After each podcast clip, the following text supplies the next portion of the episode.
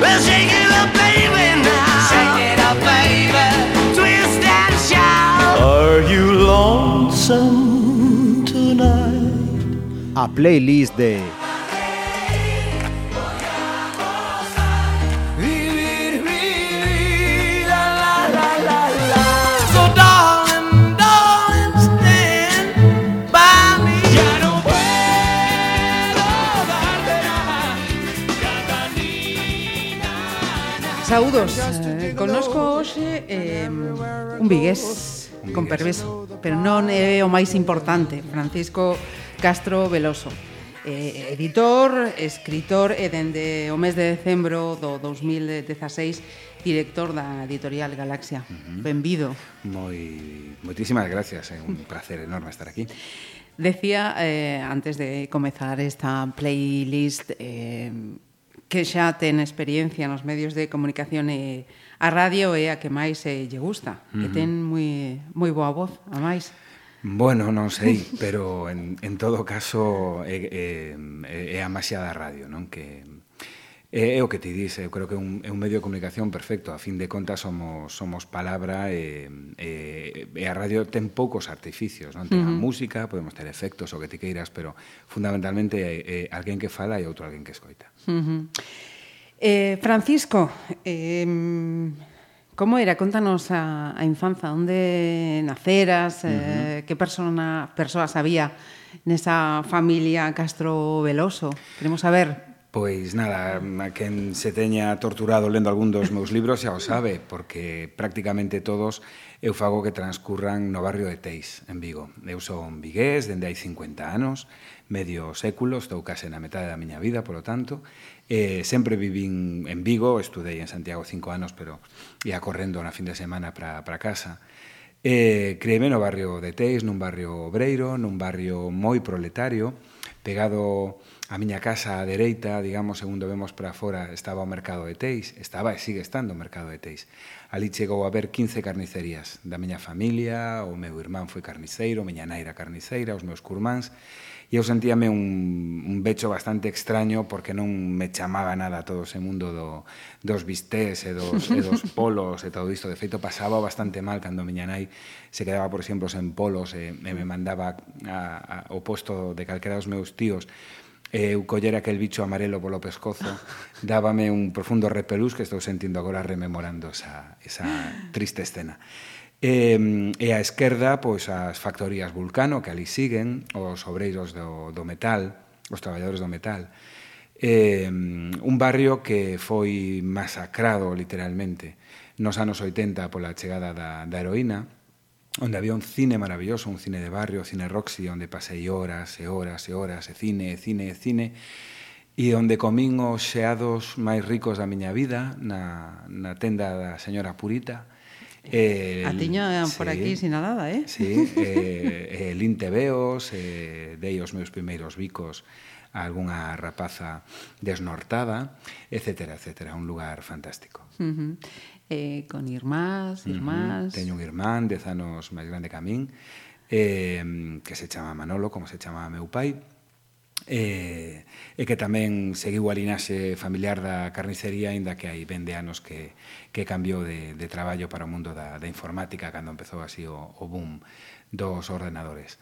Eh, bueno, a miña infancia foi unha infancia moi moi normal eh, dun, dun rapaz pois eso, que coñeceu o que, o que a dureza da, das escolas unitarias cada vez que penso eu que traballei 18 anos no ensino penso na señorita Mari que nos tiña ali dende, dende Parvulitos que era como se chamaba antes eh, até oitavo de XB, o actual segundo da ESO e éramos, pois non sei, cento e moitos e aquela pobre mestra, no mellor eh, sentido da palabra e co M máis grande, pois era can, era quen de, de, de pasar de, de, mm, dos máis pequerrechiños collernos a man e dicir a M coa A ma, a P coa A pa, a estar explicándolle química aos de oitavo, non? Unha cousa uh -huh. fascinante.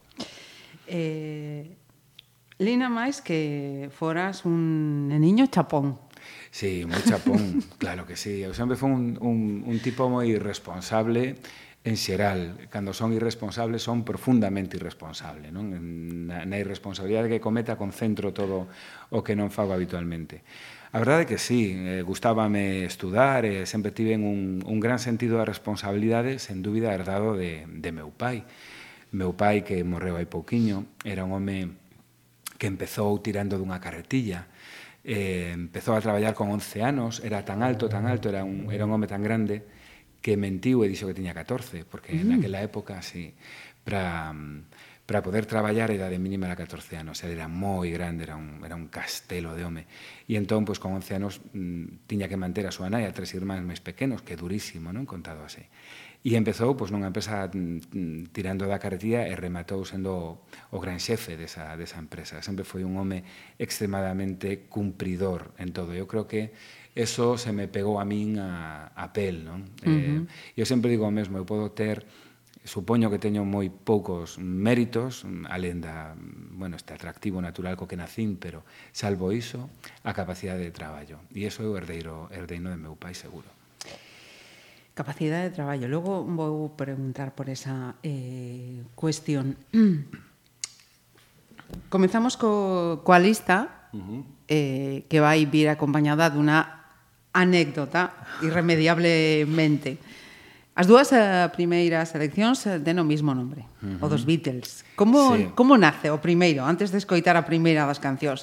Como nace esa paixón polos Beatles? Esa paixón que me fai todos os anos deixar mm, cantidades indecentes de euros en en mercar as cousas máis absolutamente inauditas, non? É dicir, poderíamos facer un programa monográfico sobre sobre as cousas raras que que os Beatlemaníacos eh, facemos habitualmente relacionado con con esta paixón, non? Hai eh, por algún sitio fotos miñas cruzando descalzo pola, polo, polo, bueno, polo paso de peóns de, de Abbey Road, Abbey Road, porque de pasalo era un, era un día londinense de, de temporal e de, e de chuvia, ali estaba eu descalzo, logo o catarro durou varios días cruzando para que se impregnase a planta dos meus pés de, de ese talento todo. Pois arranca, arranca da casa, non? Eh, como xa comentei, meu irmán é dez anos maior, E, polo tanto, cando eu teño 5 ou 6 anos, el ten 15, 16, e, e el tiña un tocadiscos, un tocadiscos dual, era marca, non se me olvida. De feito, na miña casa chamábaselle aínda giradiscos. Non? Pero o gran usuario daquelo era, era eu. E, claro, ali estaban os discos dos Beatles, e eu teño o recordo de estar co cepillo do pelo, eh, diante do espello cantando o Espinajau. O Espinajau, sí, o Espinajau era a maneira en que eu cantaba It's Been a Hard, que como empeza It's Been a Hard Day's Night, para min era o Espinajau, de feito sigo, sigo chamando o Espinajau. Eh, e, e teño teño asociados os primeiros recordos musicais a, eh, os Beatles, non? Logo na, na adolescencia, a miña foi unha adolescencia pelín, diría tristona, eh, por algo moi común e que non, non se adoita recoñecer moito, pero eu fui un adolescente enamorado non correspondido, e eso meteume pois, un par de anos así na, na mm. poesía, na música. Eh, os Beatles foron unha gran compañía, empecé a ler sobre eles, e hai un momento no que, no que descubres que é unha paixón e, e queres máis. E de súbito, aos 50 anos, e, e machacada a toda a familia, os teus fillos, eh, que dende pequerrechiños, en vez de estar escoitando pois música axeitada para a súa idade, pois están estou eu no coche dicindo, fíxate aquí o que fai Paul McCartney que coro e tal, e teño dicendo, coa de pais posibles que había e tocoume este. Pois eh, comenzamos con Don't Let Me Down. Uh -huh, Don't Let Me Down.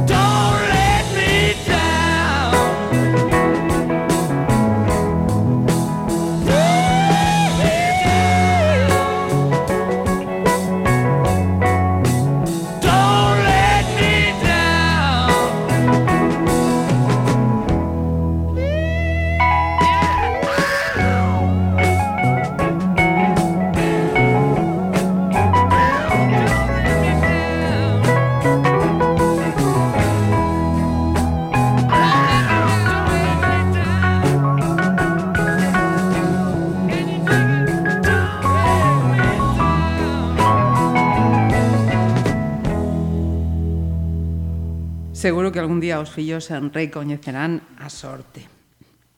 Imos seguir cos Beatles, uh -huh. pero um, hai unha anécdota que uh -huh. ti mm. contabas ao chegar sí. do pasado día de Reis, e creo uh -huh. que, que a contes. Pois sí, eh, na víspera do, do Día de Reis, no meu, no meu despacho profesional, chega un, un empregado dunha empresa de mensaxería cun paquete para min, ata aí todo é normal, recibo varios paquetes ao día, O que non espero por nada do mundo é atoparme un, un marco eh, cunha foto de, de Lennon tocando un piano de madeira e o seu carón George Harrison tocando a guitarra. Estaban pois ensaiando para gravar calquera cousa. E en riba da foto e convintemente protexido por, por dous cristais unha, un, un fragmento de, de madeira pois como pode ser a, a falanxe dun, dun dedo índice. Non?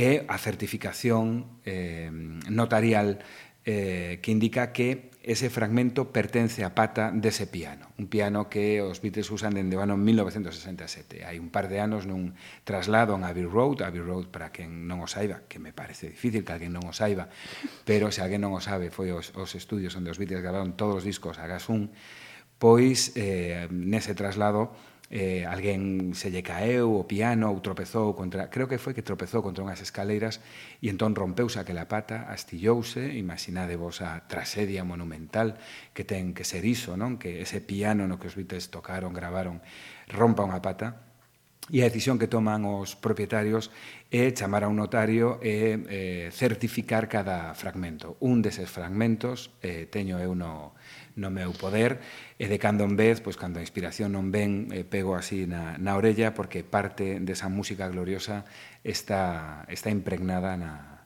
nos átomos eh, da madeira dese piano. E podo... É, difícil superar esta, esta fricada. Sí, sí, eh, no, no, no, no, no, no, fricada. é moi eh, difícil. Creo que non vou preguntar onde está no teu traballo ou na túa casa. Está ben, non vai a ser. Está ben resguardado. Está ben Perfecto, Deixámolo aí mm. entón. Sí. Eh, a segunda das eh, seleccións eh, dos Beatles. Mm. Eh, nesta playlist son estas dúas, eh, pero Poderían ser infinidade, claro, entón. Claro, poderíamos facer unha playlist só cos, cos Beatles, de feito, cada día poderíamos facer unha distinta.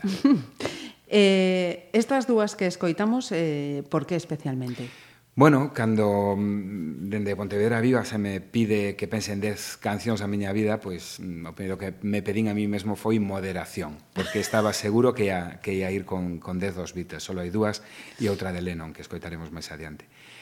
Entón, escollín estas dúas polo significado que teñen. No? Don't Let Me Down é unha, mm, é unha canción que aparece nunha das miñas novelas, Tes atas 10, e é, a min sempre me impresionou mm, un verso eh, de Lennon, que foi o compositor deste eh, tema, o compositor principal en la que asinaban Lennon e McCartney, sempre había un compositor principal, que é cando Lennon lle di a Yoko eh, eh, I'm in love for the first time, estou namorado por vez primeira. Non?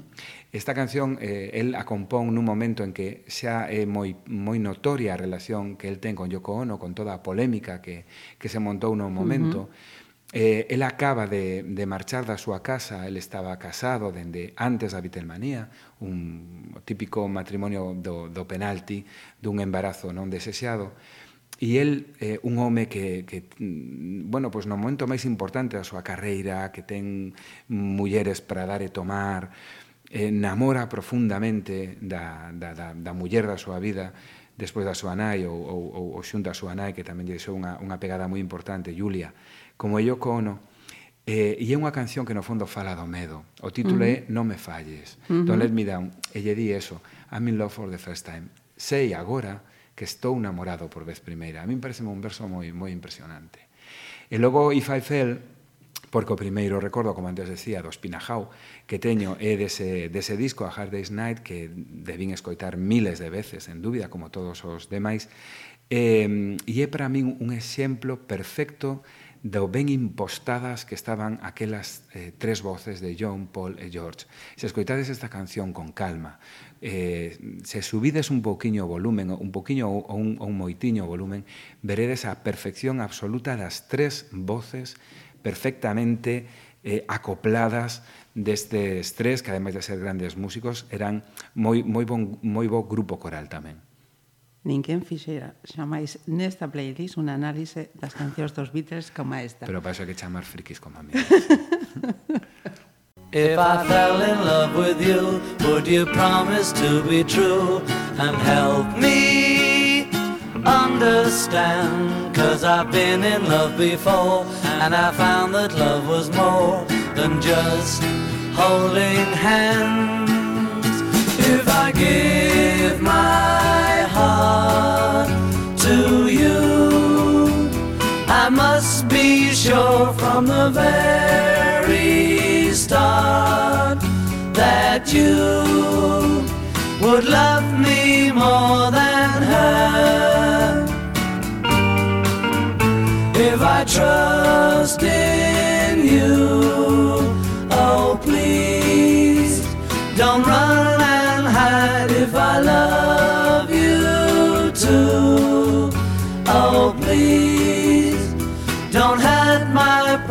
like her. Cause I couldn't stand the pain And I would be sad if our new love was in vain So I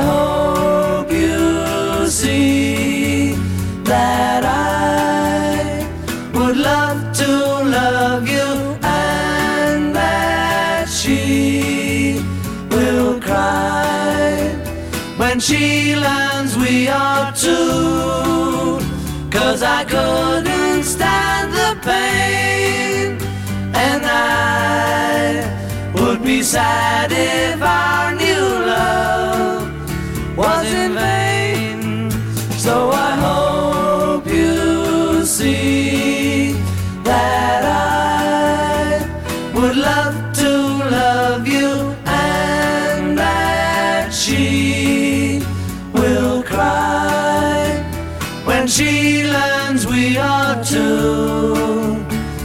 I fell in love with you.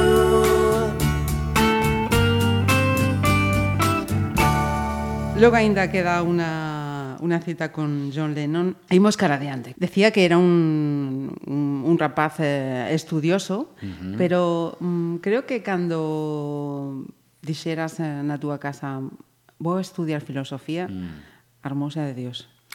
Vexote moi ben informada.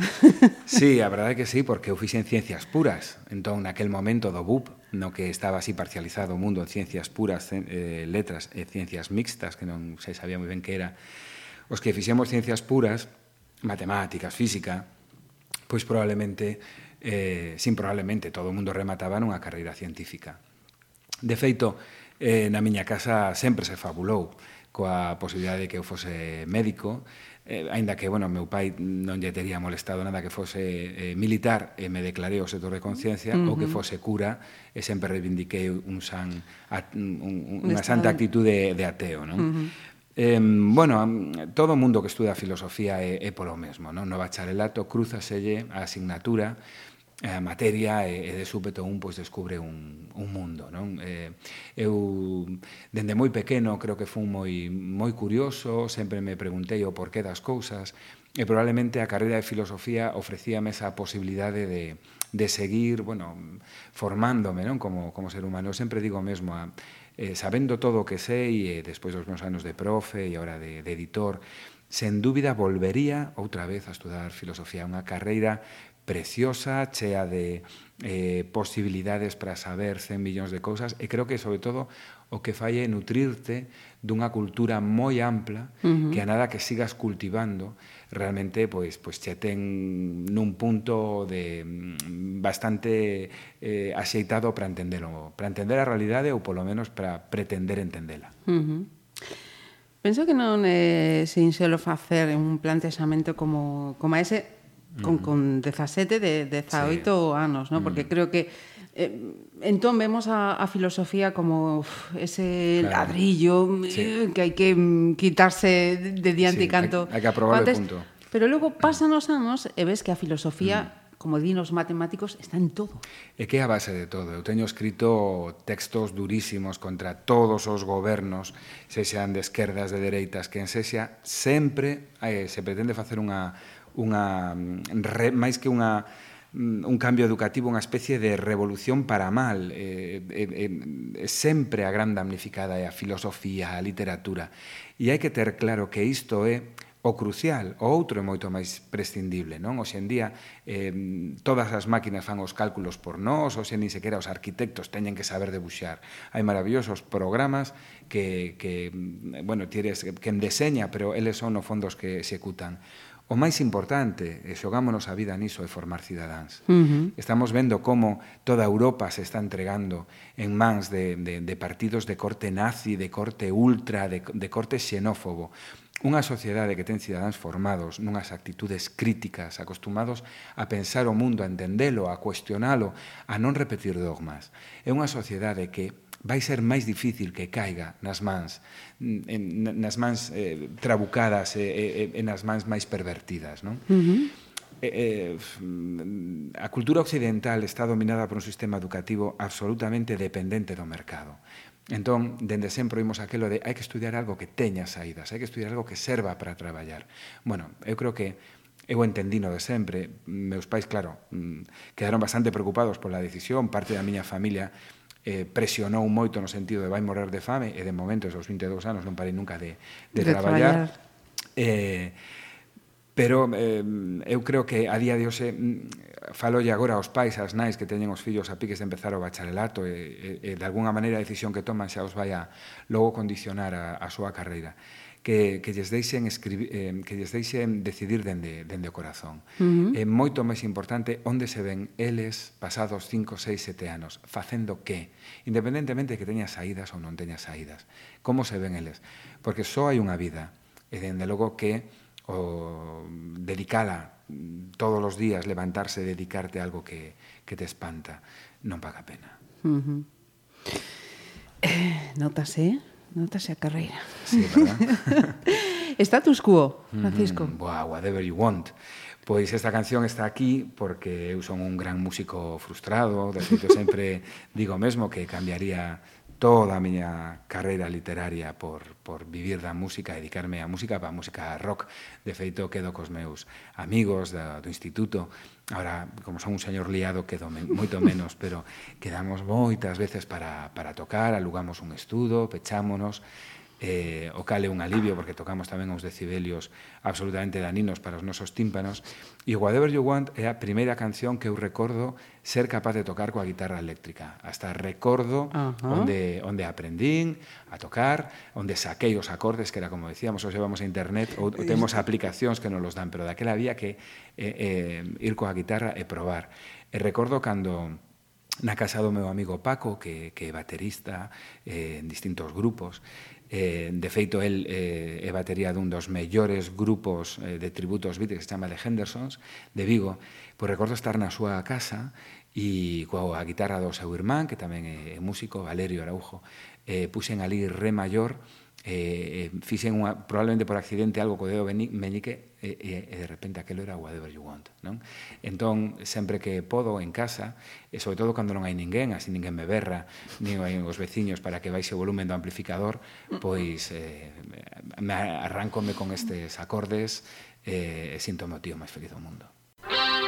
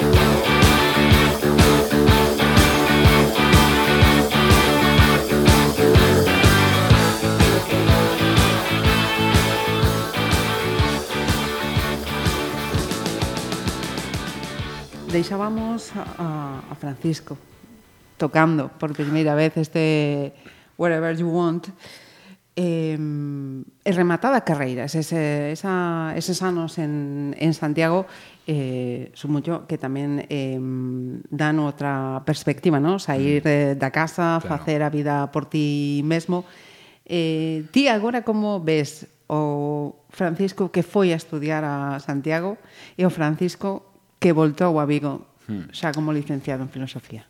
A ver, eu creo que en esencia eh, é o mesmo, non? De feito, eu moitas veces eh, lembrome a min mesmo que teño 50. Mm, e, espero cando teña 60, 70, 80, 90, 100 facer un pouco a mesma reflexión, non? Eh, eu creo que en esencia eu son exactamente a mesma persoa, non? Unha persoa eh, bueno, pois pues, con unha serie de, de de ideas estéticas, de ideas políticas, de, de concepcións do mundo, creo que aí non, non cambiou moito. Creo que, mm, que son mellor mm, no sentido de que aprendín a relativizar moitas cousas. E aprendín moito xa naquela época de, de Santiago era o que antes falábamos non? Eh, a carreira de filosofía é unha carreira de lecturas. Nos non temos un laboratorio non o necesitamos eh, eh, pasase moito tempo un pechado cos libros, suliñando libros, tomando anotacións, e isto configura moito a alma da, da xente, non? Pero eu diría que, que non hai, non hai grandes cambios. Si modifiquei moitas posicións. Uh -huh. E, de feito, isto interésame moito dicilo, non? A min asústame a xente que di, levo 30 anos pensando o mesmo. Eu creo que non, non pode ser, non? Eh, a realidade é dinámica. O mundo está en constante transformación sempre.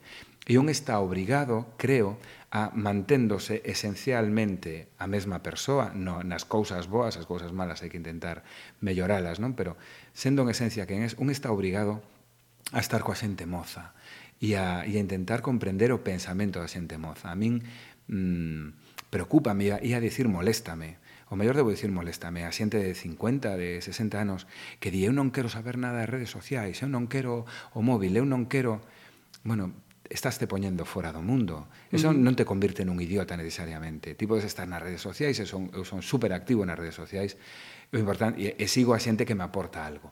E intento que o que eu diga eh, lle aporte algo a xente, uh -huh. non? Obviamente non sigo a quen pon comprei uns pantis novos ou teño teño un, un novo coche, É que tanto me ten, non me non uh -huh. me importa o máis mínimo. Se me dis merquei un un pantalón novo, nunha tenda de comercio xusto, e isto hai no que facer para mellorar a situación, entón xa me interesa un poquinho máis, uh -huh. non? Entón eu aspiro a que cando a miña filla pequerrecha, que agora ten 9, teña 19, eh, aspiro a, a que me guste a súa música, aspiro a que sin si naquela época, eh, cando eso pase, pois en vez de, das redes sociais hai non sei que cousa, eu quero estar aí, quero entender ese mundo. En, cando os meus amigos de 50, eh, cos que levo toda a vida, de 40 e pico, de 50 e algo, a xente coa que levo toda a vida, eh, fala dicindo eso de que na nosa época, ou cando nós éramos novos, eu aí sempre calo, porque non me sinto identificado. A miña época non chegou. Cal, cando min cal foi o mellor ano da túa vida, digo, non teño ni idea porque ainda non sucedeu. Xa sucederá, cal é o teu mellor libro, estás en escribir. Cal, cal é a mellor viaxe? Das que fixen podo cho dicir, pero a miña mellor viaxe está aínda por, por facer. E creo que hai que manter esta actitude para non embellecer, para non volverse bello, para non estar fora do mundo. Uh -huh. E mira, para cando voltas de Santiago, uh -huh. xa está na túa vida esa muller Uh -huh. futura sí, sí, nai, sí. sí? Sí, sí, sí. Contanos. Bueno, pues nada, levamos xuntos eh, toda a vida, fixemos a carreira xuntos e desenvolvimos a vida xuntos. Entón, mm. nese sentido, pois, ese era tamén un dos motivos polos que eu ia correndo na fin de semana para, para Vigo. Polo tanto, Viguesa, entón. Viguesa, Ten un nome, como se chama? Se chamase Tere. Está, Tere? Sí, uh -huh. Viguesa, igual que os nosos fillos son, son vigueses. E, e como a min, ademais, vigueses militantes. Non somos os que cando é a festa reconquista la vamos, disfrazados, e berramos os franceses como se non soubésemos que ao final da festa os vamos a expulsar. O sea, que vivindo as cousas uh -huh. con paixón. Una nena de nove, decías? Uh -huh. E un neno, un neno, un home de 21. Sí. Un home. Un home de 21, sí, que que ahora si está escoitando isto o escoita vai se cabrear moito porque non lle gusta que fale del, pero está estudando medicina, é un, é un crack, ah. até que ah. Rechiña está en terceiro de primaria, de primaria tamén unha, unha crack dous, uh -huh. dous tíos absolutamente, bueno, rompedores. Uh -huh. Paradoxa, ou non. Uh -huh. eh, a que se levou na túa casa por non estudiar medicina e ti estudiaras e ao final tes un fillo, tes un fillo, tes un fillo que sea médico. médico. Sí, bueno, uh -huh. supoño que, que eso é a, unha especie de justiza histórica, non? eh, o avó que lle queda, eh, o meu sogro sempre fala da, da, das ganas que ten de, de velo vestido de bata. Ajá. Eh, de, de velo feito xa un, un médico. Bueno, queda ya no épico para que eso suceda. Uh -huh. Mira, contame eh, o descubrimento que vou facer hoxe, Gabi Moreno. Pois sí, eh, Gabi Moreno é unha, unha cantante que vos recomendo a todas eh, e a todos eh, que me ten absolutamente entolecido. Eh, e é moi curioso, ademais, como a descubrir, non? Porque así como eu amo o vinilo e amo os CDs, eh, pero non digo eso de que na miña época a música era mellor e nada polo estilo, eu estou todo o día co Spotify. É dicir, eu chego ao meu despacho e, por defecto, encender o ordenador, salta o Spotify. Nas miñas últimas dúas novelas creei dúas playlists coa música dos protagonistas. En Tesatas 10, a música coa que crece Tony, o protagonista, e en Amor é unha palabra como outra calquera, a música que escoita Carla, que non é exactamente toda a música que a mí me gusta, pero é a que lle gusta a ela. Non? Entón, o bo de, de plataformas como Spotify es que de cando en vez eh, che descubren cousas, non? A min eh, gustame guiar por ese tipo de cousas. Abres a ordenador e che di, xa é luns, fixemos unha, unha selección para ti. Uh -huh. ti E eu xa sei que é un algoritmo, pero tomo moi en serio, digo, carai, fixeron unha selección para min, vamos a ver que o que escoito aí. E eu aí teño descubrido cantantes, teño descoberto mm, músicos e, e músicas excelentes uh -huh. que, que, que non descubriría de ningunha outra maneira. Ajá. E Gabi Moreno é un bo exemplo. Blues de mar. Uh -huh, Blues de mar, unha fermosísima canción de amor. Ah.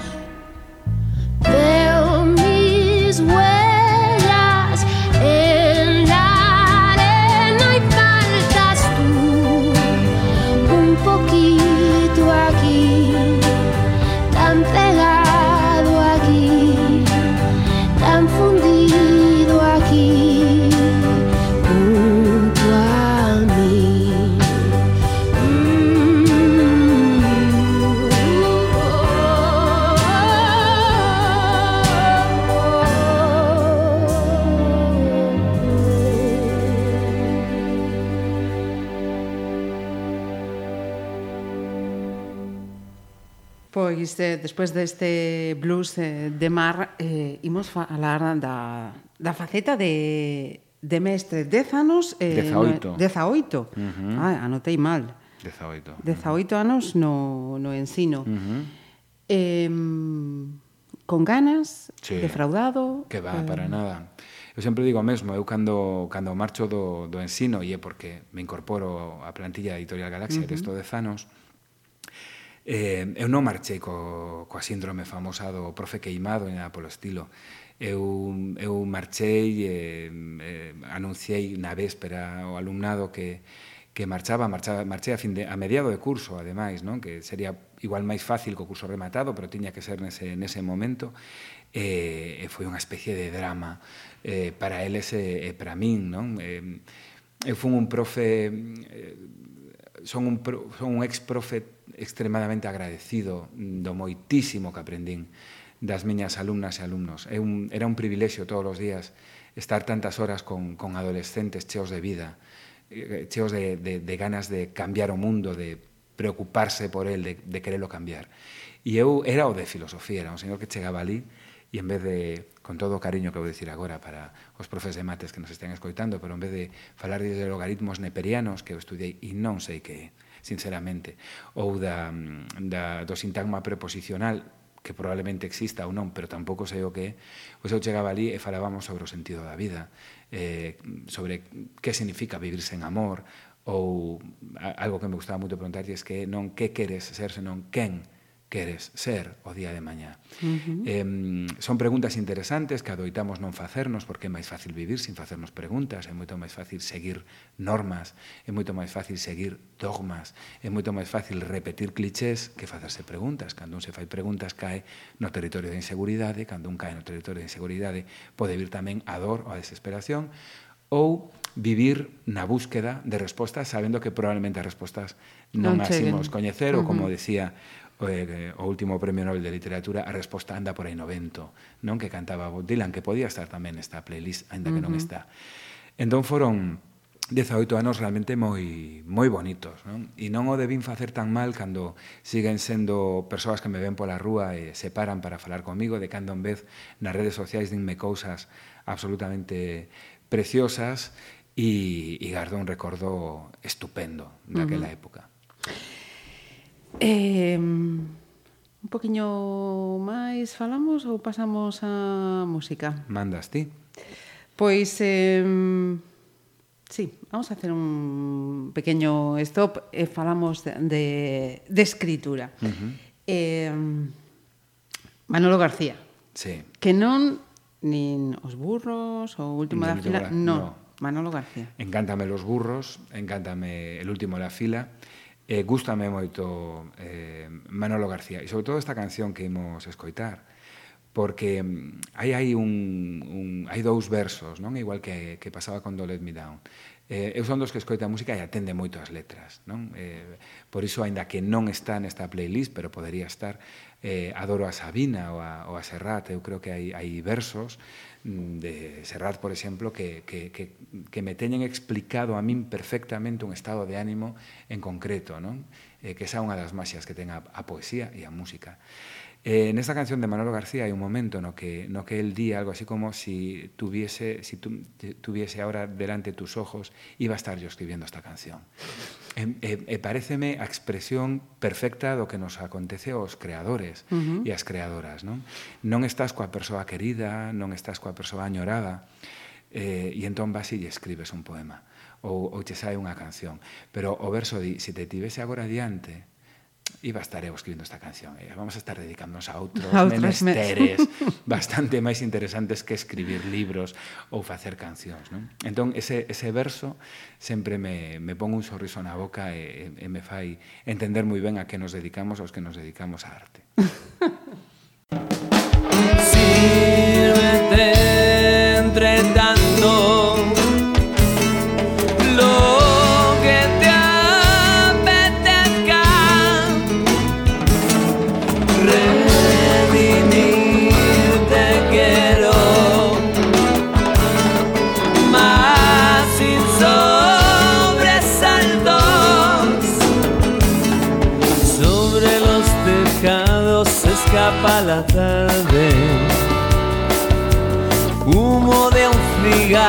que fuma Gardel. En el dulce licor que me hiere salvaje. En los garabatos que hago en el mantel.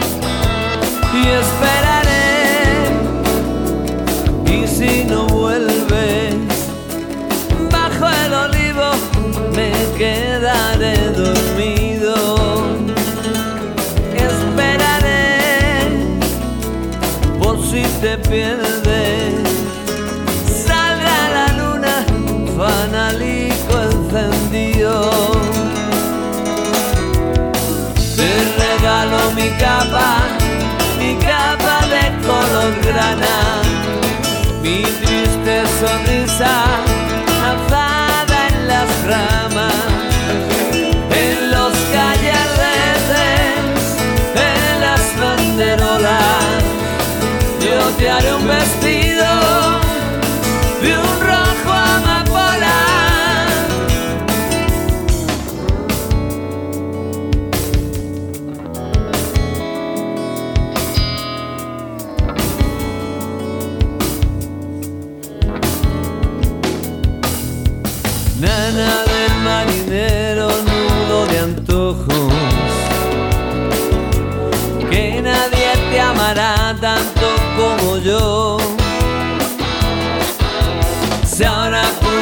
estar mirando tus ojos, iba a estar escribiendo aquí esta canción.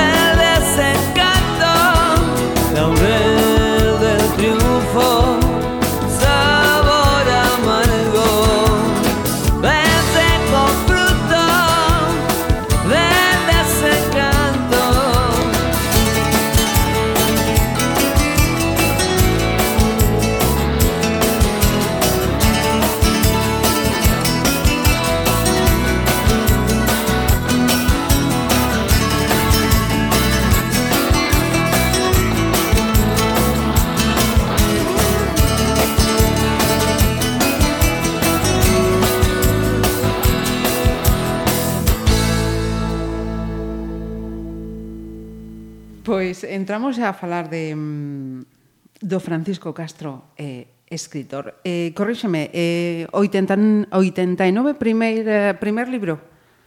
No 89 foi o primeiro libro, sí, con uh -huh. 22 anos e un pedazo espectacular. Eh, publiquei o meu primeiro libro, sí. Escribino en, en Santiago en cuarto de carreira, que aí uh -huh. cando eu realmente tomo a decisión de que quero ser escritor. De feito, estou me vendo Agora mesmo era un día de, de primavera do ano 88, o curso estaba rematando, eu estaba aburrido de estudar un, un exame e había ese sol tan fermoso que ten Compostela eh, no mes de maio, eh, no mes de finais de abril, primeiros de maio, ala polas oito e media, nove menos cuarto do serán. Entón eu estaba ali naquela pensión, vendo por aquela ventá na que só tiña un currunchiño de campus e o máis interesante que era a ventá da miña veciña de diante, que tiña a miña idade, e estaba eu pensando na literatura, xa escribir algún relato, e ese día, ese día, tiña 21 anos, tomei a decisión de que ia ser escritor. Publiquei o meu primeiro libro con 22. E eh, dende entón ata agora, 18 libros. Sí, e se lle sumamos así as miñas participacións en libros colectivos debe ir algún, algún máis. Algún máis, sí, sí. sí. Pero claro, eso só quere decir que levo moitos anos escribindo. Mm, eh, si a iso engádese 17 premios. Hmm. Bueno, nunca os contara. Casi... Ahora, ahora cando me pregunten xa, xa sei cantos van 17. Sí, sí. Bueno, aí eu son un gran defensor dos premios literarios, non? E, e vou decir algo moi políticamente incorrecto. Os que os que poñen a feder os premios literarios novamente son os que nunca os ganan. Sí, é, é así, ou creo eu que é así. Eh, os premios literarios son moi importantes cando cando un un autor eh, unha autora está iniciando a súa carreira. Danche, ora vou dicir tópicos, pero son certos, danche prosección, de súpeto eres protagonista no periódico da túa cidade e a veciña que nunca mirou para ti, a pesar de que levas dez anos vindo ali, de repente dice, ah, mireite no faro, saliches no diario de Pontevedra, donde de repente eres un, unha, unha celebridade, e sobre todo permite que, que as editoriais reparen na túa existencia. E iso é moi, é moi importante, non? Eh, e eu insisto, hai, hai xente que é moi belixerante cos premios literarios, eh, un repasa a súa biografía e descubre que, que non gañou ningún. Uh -huh. eh, libros eh, infantil, eh, juvenís, literatura juvenil, eh, cuestións eh, lin relatos eróticos... Uh -huh eh, novela para adultos, eh, histórica, fin, un, policial. Sí. Un abanico eh, inmenso. Estoy mirando os títulos y, y tratando de. Sí. Bueno, non eh, hai non, eu eh, non mm, barreiras no. ni obstáculos ni no, límites eu, a... morrería de pena eh, se me encasillase nun tipo de de, de creación, non? Eh, teño tocados todos os paus eh, bueno, hagas a ciencia ficción, que espero que algún, ¿Sí? día, algún día me atreva con ela. Pero mm, eh, supoño que un, é, un, é un reflexo tamén de, de como leo. Eh, eu teño amigas e amigos que son moi fans da novela negra ou son moi fans da novela romántica ou da novela histórica ou da poesía E eu, agora polo meu traballo, en dai dez anos, estou obrigado a, a ler dunha maneira moi heterodoxa, pero como neno eu xa era así, eu podía uh -huh. pasar de, de, de escangallarme vivo de risa con Mortadelo e Filemón, que me sigue pasando, e, e río a gargallada ampla, eh, sonora, na miña casa a rematar ese tebeo, que era como lle chamábamos antes, eh, e coller unha novela de, de Verne e estar viaxando con Phileas Fogg eh, alrededor do mundo en 80 días. Non? Sempre foi moi sempre foi unha persoa moi moi heteroxénea. Na música pásame, pásame igual, é dicir, está aí o, o tema da paixón guión enfermidade crónica dos Beatles, pero mm, recordo a emoción que sentín cando vin os Rolling Stones en, en directo, eh, e podo escoitar, creo que menos reggaetón, creo que case todo é, eh, é gozalo, non? Uh -huh. eh, e os mm, estilos que veñan no futuro, espero, como dicía antes, ser capaz tamén de disfrutalos. Eh, falabas de, dos premios, ¿no? eh, que eres un gran defensor dos premios eh, literarios. Uh -huh. eh, pero un escritor, eh, imagino que ten que vivir máis da, da, das vendas que, que dos premios, hoxe uh -huh. en día. A ver, os escritores eh, que decidimos escribir en lingua galega asumimos dende o inicio que dos nosos dereitos de autoría non imos vivir. Non? Isto é algo que me interesa dicilo, dicilo ademais moi, moi Clarino. en serio, uh -huh. claro, porque eh, non é exagerado dicir que as persoas que deciden escribir en galego adoptan unha actitude heroica, porque van a facer o mesmo esforzo creativo que quen escribe en calquera outra lingua e non van, non van ter, porque o mercado, infortunadamente, é máis cativo, eh, un rendemento suficiente para poder facer o que fan moitísimos escritores en castelán ou noutras moitas linguas, que poder dedicar todo o seu tempo a, a escrita na liter a literatura galega eh, todo o mundo ten unha profesión e ademais escribe. Non? E son escritores e escritoras con E grande, pero teñen que roubarlle tempo as fins de semana, sacrificar a familia, eh, o mes de vacacións mm, recíbese con gran alegría porque teño un mes para poder uh -huh. rematar a novela que levo dous anos pelexando con ela e cando a xente está vendo algún programa cultural tipo Sálvame, eu estou escribindo. Entón, claro, eh, Eu creo que a pregunta que acabas de facer non ten resposta porque non vivimos disto. Uh -huh. eh, sen dúbida, eh, o, o, o máis interesante é eh, aspirar a ter lectores e lectoras. Non? Eu creo que un, un escritor en Galicia, en calquera latitude lingüística, pero en Galicia, uh -huh. que donde estamos, mm, pode sentirse tranquilo cando sinta que ten lectores e lectoras, cando sinta que hai alguén que está esperando o seu novo libro. No momento en que tes alguén que sabe que publicaches novo libro sen saber de que vai, vai á librería, porque xa che leu varios, e quérelo por ti, porque fuches ti quen o escribiu, eu creo que nese momento tes o ceo gañado directamente. O, o teu labor ten realmente un sentido. Un sentido. Uh -huh. eh, facemos unha pausa, uh -huh. volves a coller a guitarra eléctrica. Uh -huh. eh, te veríamos eh, tocando máis, Xarona? Sí, claro, por favor, o, o, o máis xarona é eh, o, o que fai que mm, todos os males se, se vayan. O máis xarona eh, eu escoiteino compulsivamente con meu amigo Fito na súa casa eh, o single a todo trapo ata que viñan os pais e, e, e entón había que baixalo, pero unha vez e outra vez e outra vez e outra vez e facendo o punteo final eh, co pau da vasoira Eh, sí, sí, sí, eu, vamos, sáleme de maravilla o, o punteo co pau da vasoira.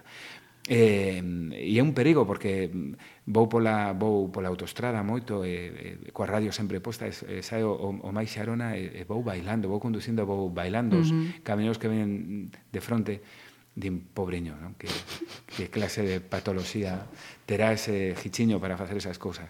Eh, o, máis, o máis xarona a, a, a, a gran volumen e eh, é unha descarga de adrenalina maravillosa. Uh -huh. Iso de Hichiño é moi vigués, eh? Hichiño é moi vigués, sí, acabo de catarme de que sí, pero bueno, como nos están escoitando tamén en Vigo, pois pues sí, así sí. hai que, hai que facerlles un guiño. E traeme grandes recordos a máis. Uh -huh.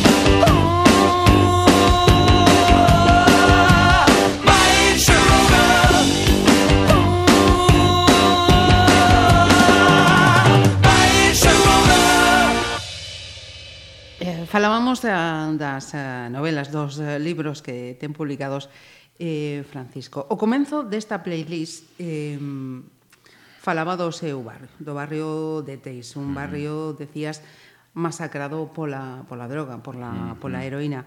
Eh, hai un, un do teus, eh, dos teus libros, do 2004, estou uh -huh. a ver, sí. que, que leva o nome, de, imagino, dese barrio sí. e, eh, e, eh, e desa xeración perdida. Sí, sí. O libro eh, eu escribín esa novela que foi a miña primeira novela na Editorial Galaxia, aínda non, non traballaba ali. Eh, eu tiña 30 e pico anos no momento en que un día, eh, falando precisamente coa miña muller, eh, botamos a mente para atrás, eh, descubrimos que hai xente eh, que crece con nós e que non está, que morreu, uh -huh. eh, e que morreu por isto. Non? Entón eu decidín que quería contar a súa historia. E, e tanto é así que a novela transcurre en Teis, e máis concretamente na miña rúa, e pouco máis que na miña rúa e un par de rúas máis para lá. Recordo naquel momento algunha persoa que leo o manuscrito decía eh, non fales en concreto de Vigo, nin de Teis, mm, porque entón a historia non vai ser universal. E dicen, non, non, non. Eh, Woody Allen case non sae da illa Manhattan. Uh -huh. E ti escoitas aquelas historias, eh, o sea, ves esas películas, e sinteste identificado, non? Escoitas as, os dramóns brutais que conta Dylan dos granxeiros do, do oeste profundo estadounidense e entendes perfectamente, aínda que sexas, pois eso, como antes decíamos, un hichiño de Vigo, non? Uh -huh. Enténdelo perfectamente. Entón, eh, realmente eu quixen contar o que lle, o que lle pasou aos rapaces un pouco maiores que a min mm. eh, do, meu, do meu barrio os que vin caer de un en un en algún caso tamén da propia familia e a sorpresa é que cando esta novela sae e tamén foi, foi eh, traducido ao castelán empecé a recibir eh, mensaxes de xente de Valencia, de xente de Bilbao, de distintos lugares para dicirme, para dicirme que estaba contando a historia ao seu barrio. Eh, o cal explica primeiro que todas as historias son universais, que as persoas nos parecemos muitísimo en todas partes do mundo, e logo, bueno, pois pues que o drama foi idéntico para todas e para todos, uh -huh. que realmente é así, non? E isto é algo que temos que, que interiorizar.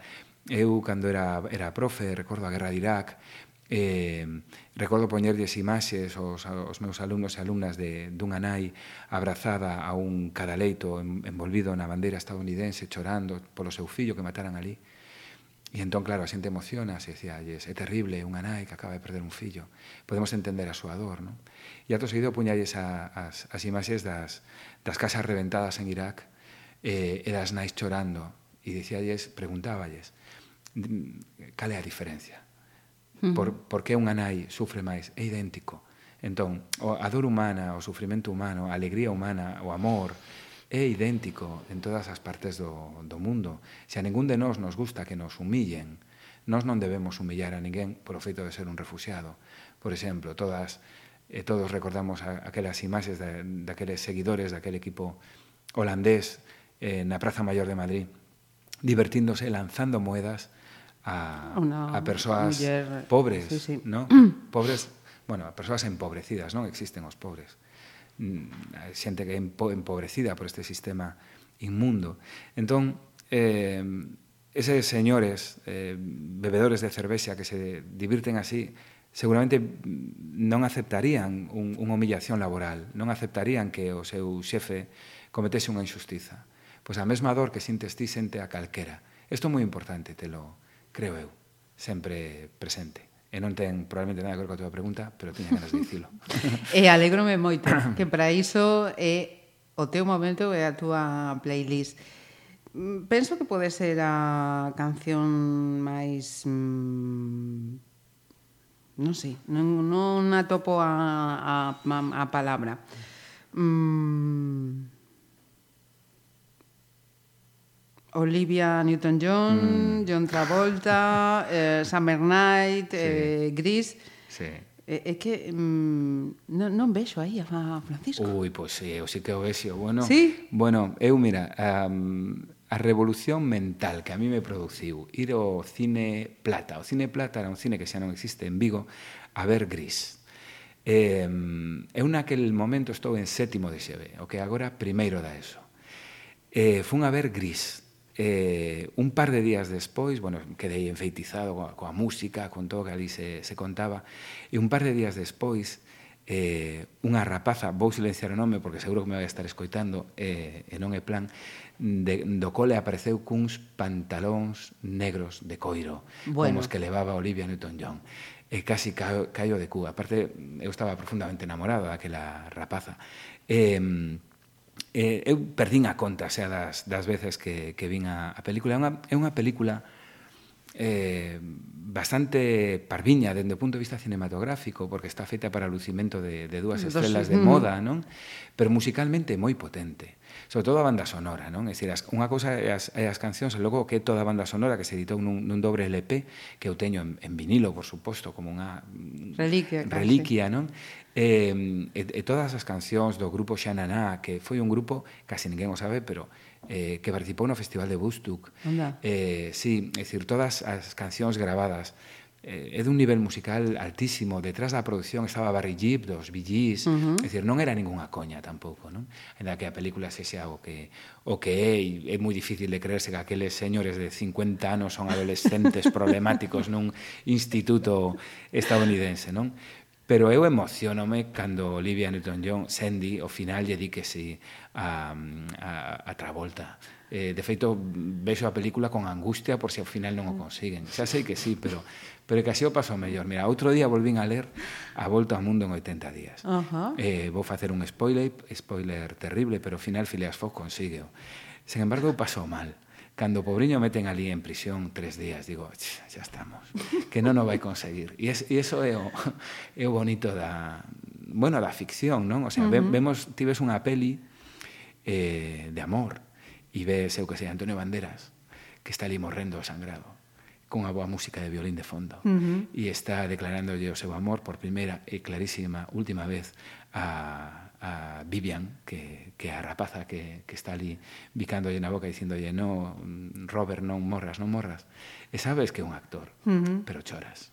Sí. Choras.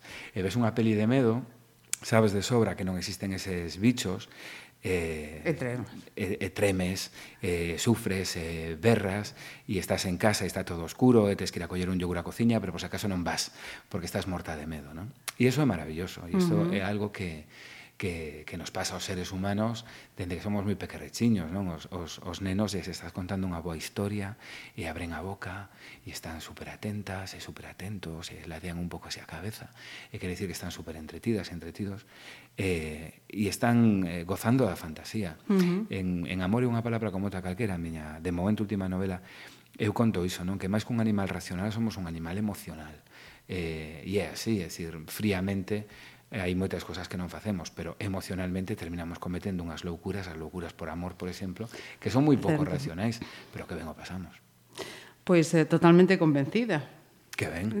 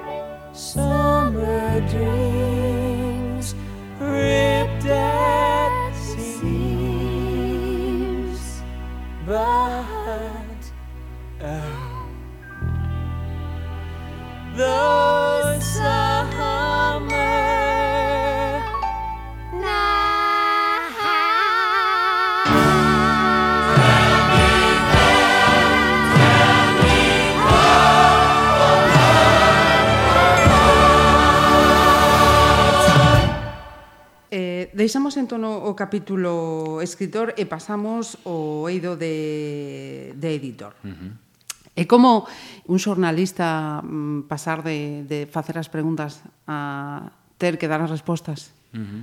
mm, ou como se pega ese cambio tan, tan grande? No meu caso foi foi un proceso bastante natural. Non? Eh, eu recibo a, a, a oferta de Vítor Freixanes, agora presidente da Real Academia Galega, el foi quen dirixía a Editorial Galaxia, eh, para incorporarme ao equipo de Editorial Galaxia, preocuparme, o meu cargo primeiro chamábase coordinador de eh, novos proxectos. Uh -huh. E é porque eh, eu levaba xa anos traballando cando nacen os blogs, a todo ese mundo da, blo da blogosfera, da literatura 2.0, eu estaba xa experimentando con este tipo de, de formatos Eh, reflexionando, dando conferencias alrededor de como todo o mundo digital ia revolucionar o mundo da, da literatura, o mundo da edición, o mundo do libro en xeral. Uh -huh. E, e, bueno, mm, eu nunca pensara en dedicarme a, a edición, e recordo que coincidimos nun, nun acto pola noite, e díxomo, que levaban díxome, levamos mm, semanas en Galaxia falando de ti, eh, eh, queríamos te propoñer que te incorpores a Editorial Galaxia. Eu ingenuamente dixen, bueno, para unha colaboración, dixen, no, no, no, no, en plantilla. Eh, antes de tres segundos dixen que sí. Tardei tres segundos en decir que sí. Eu tiña 40 anos eh, e é un privilexio os 40 anos cambiar así de profesión uh -huh. radicalmente, pero para facer algo que tamén era moi coherente con xa tiña pues, eso, moitos premios, moita obra literaria. Claro, non, non era para nada incoherente. De feito, se te decatas todos os anteriores directores de Galaxia foron tamén escritores, non? Uh -huh. Pito Feixanes escritor, Carlos Casares a quen celebramos este ano co Días das Galegas tamén foi escritor, Paco del foi escritor, bueno, Ramón Piñeiro foi escritor. Entón, de alguma maneira é unha certa lógica tamén uh -huh. dentro da casa de, de facer as cousas así. Eh, imos eh, rapidiño porque eh, Francisco ten unha presentación unos eh, sí. minutiños. A seguinte selección Queen, non pode Queen, faltar un claro. dos clásicos, no, da, da música e dos grandes. E dos moi grandes. Poderíamos ter escollido Bohemian Rhapsody, pero ocuparíamos 11 minutos ou 12 que dura que dura iso. Eh, a canción esta que escollín eh, e sobre todo pola liña de baixo non? eu creo que todos os que de cando en vez como antes contei eh, se meten un estudio cos amigos a facer ruido máis ou menos afinado como facemos nós hai un momento en que nos gusta coller o baixo e, e, e facer ese lleno pom, pom, pom, porom, porom, pom, pom, pom é tan fácil e entón estás horas e horas e horas e pasando, pasando realmente moi ben entón só por esa liña de baixo esta canción se apaga a pena Thank.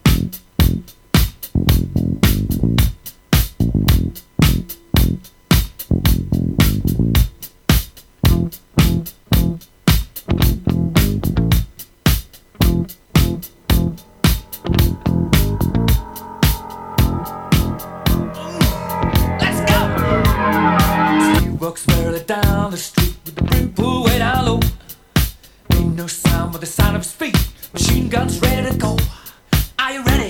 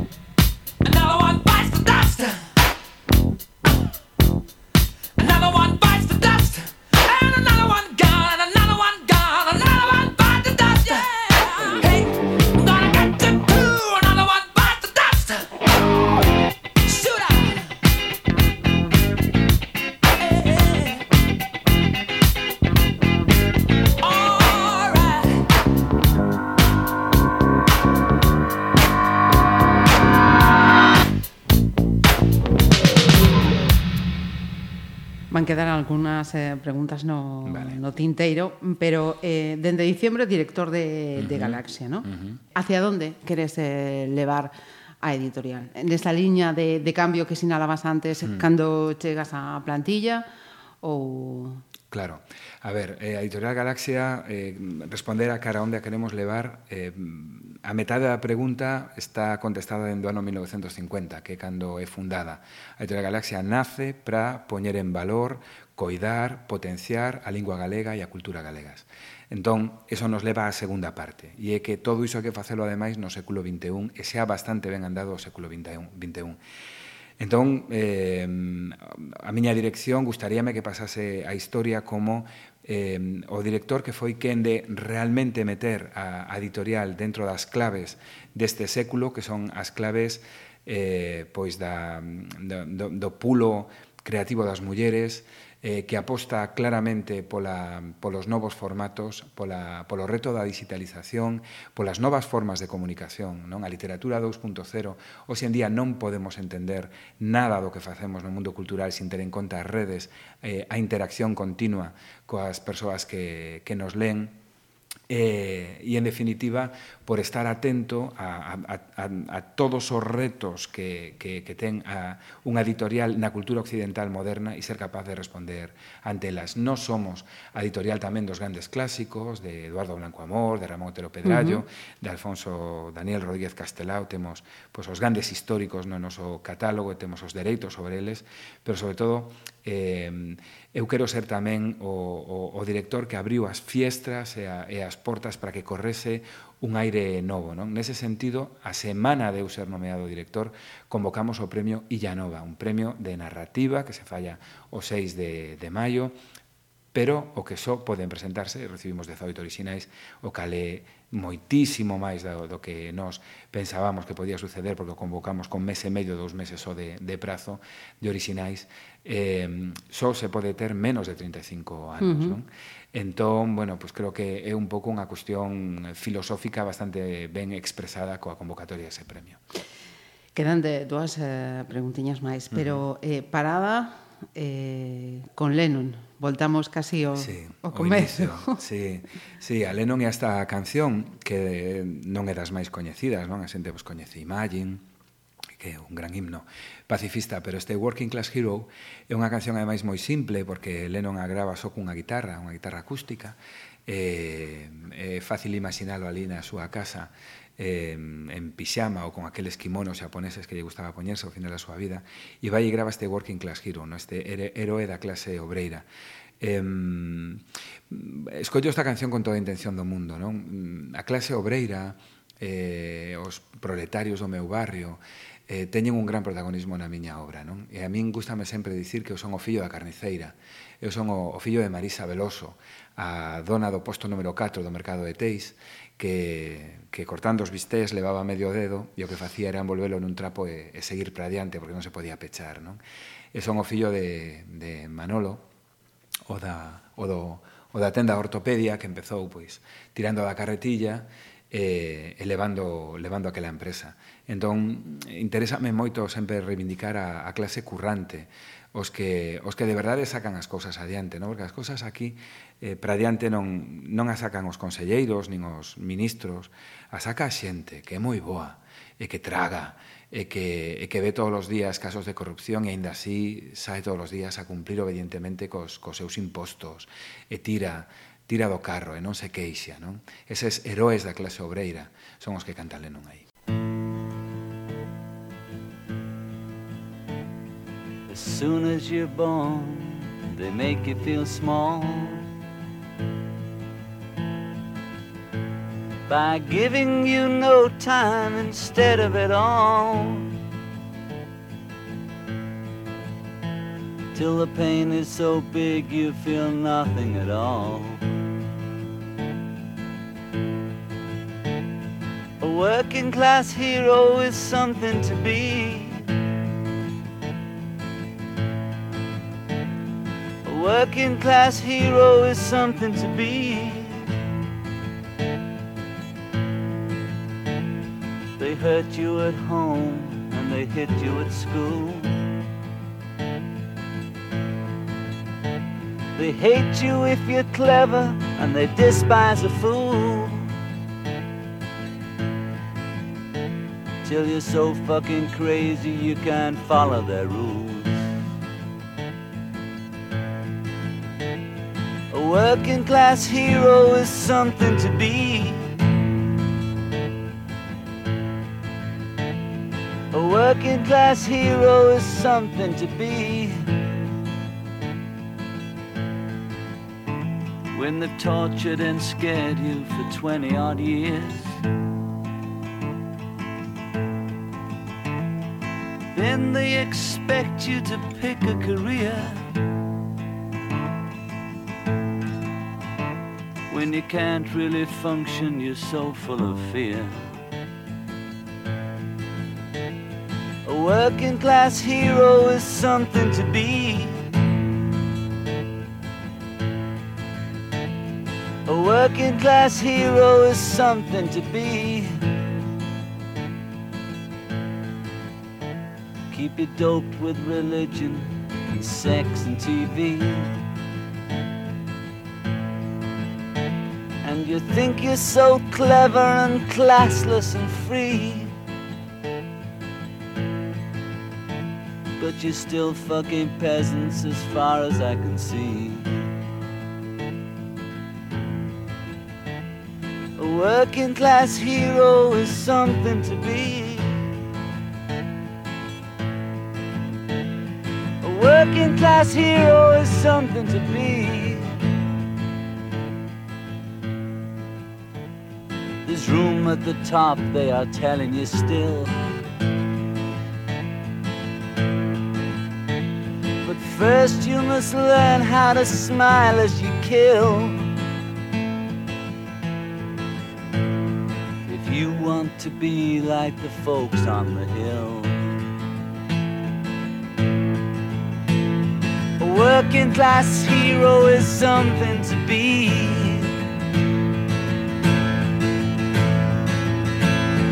Working class hero is something to be. If you want to be a hero, well, just follow me. if you want to be a hero, well, just follow me.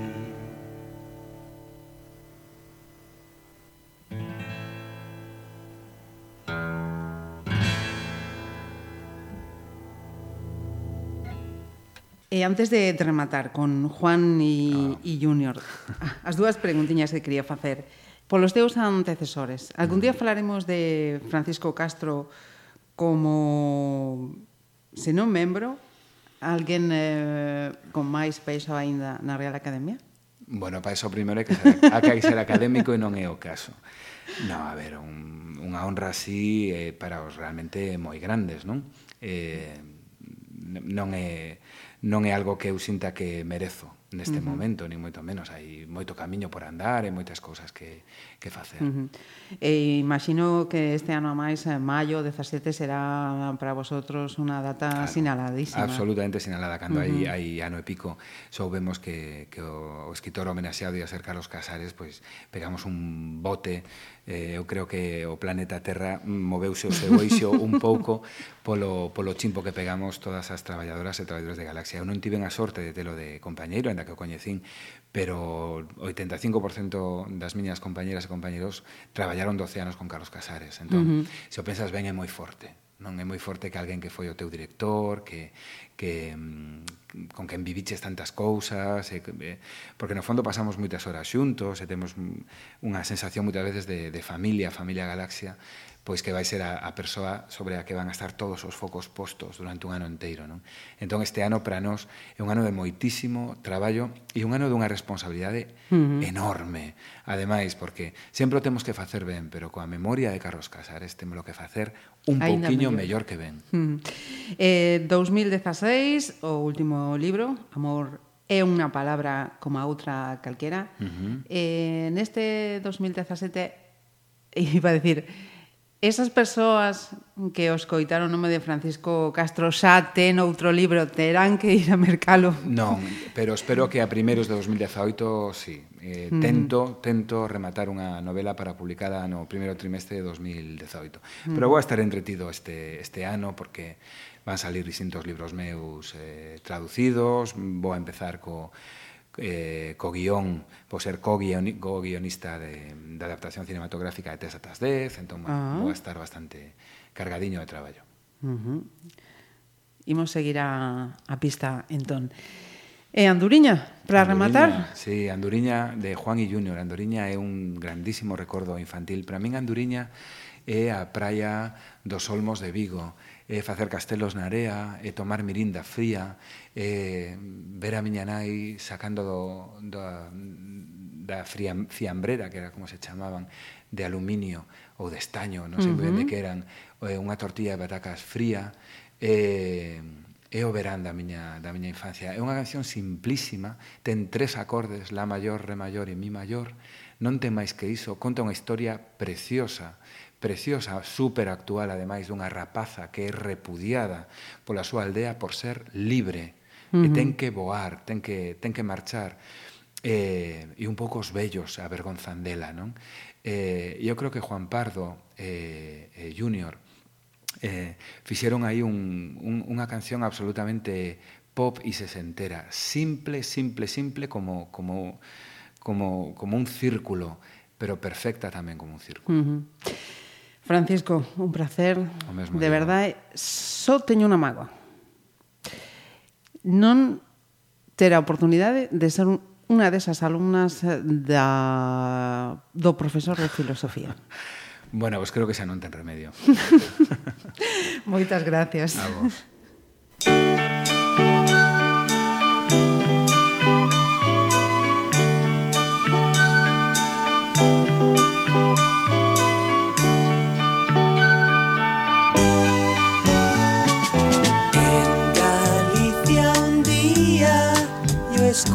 change.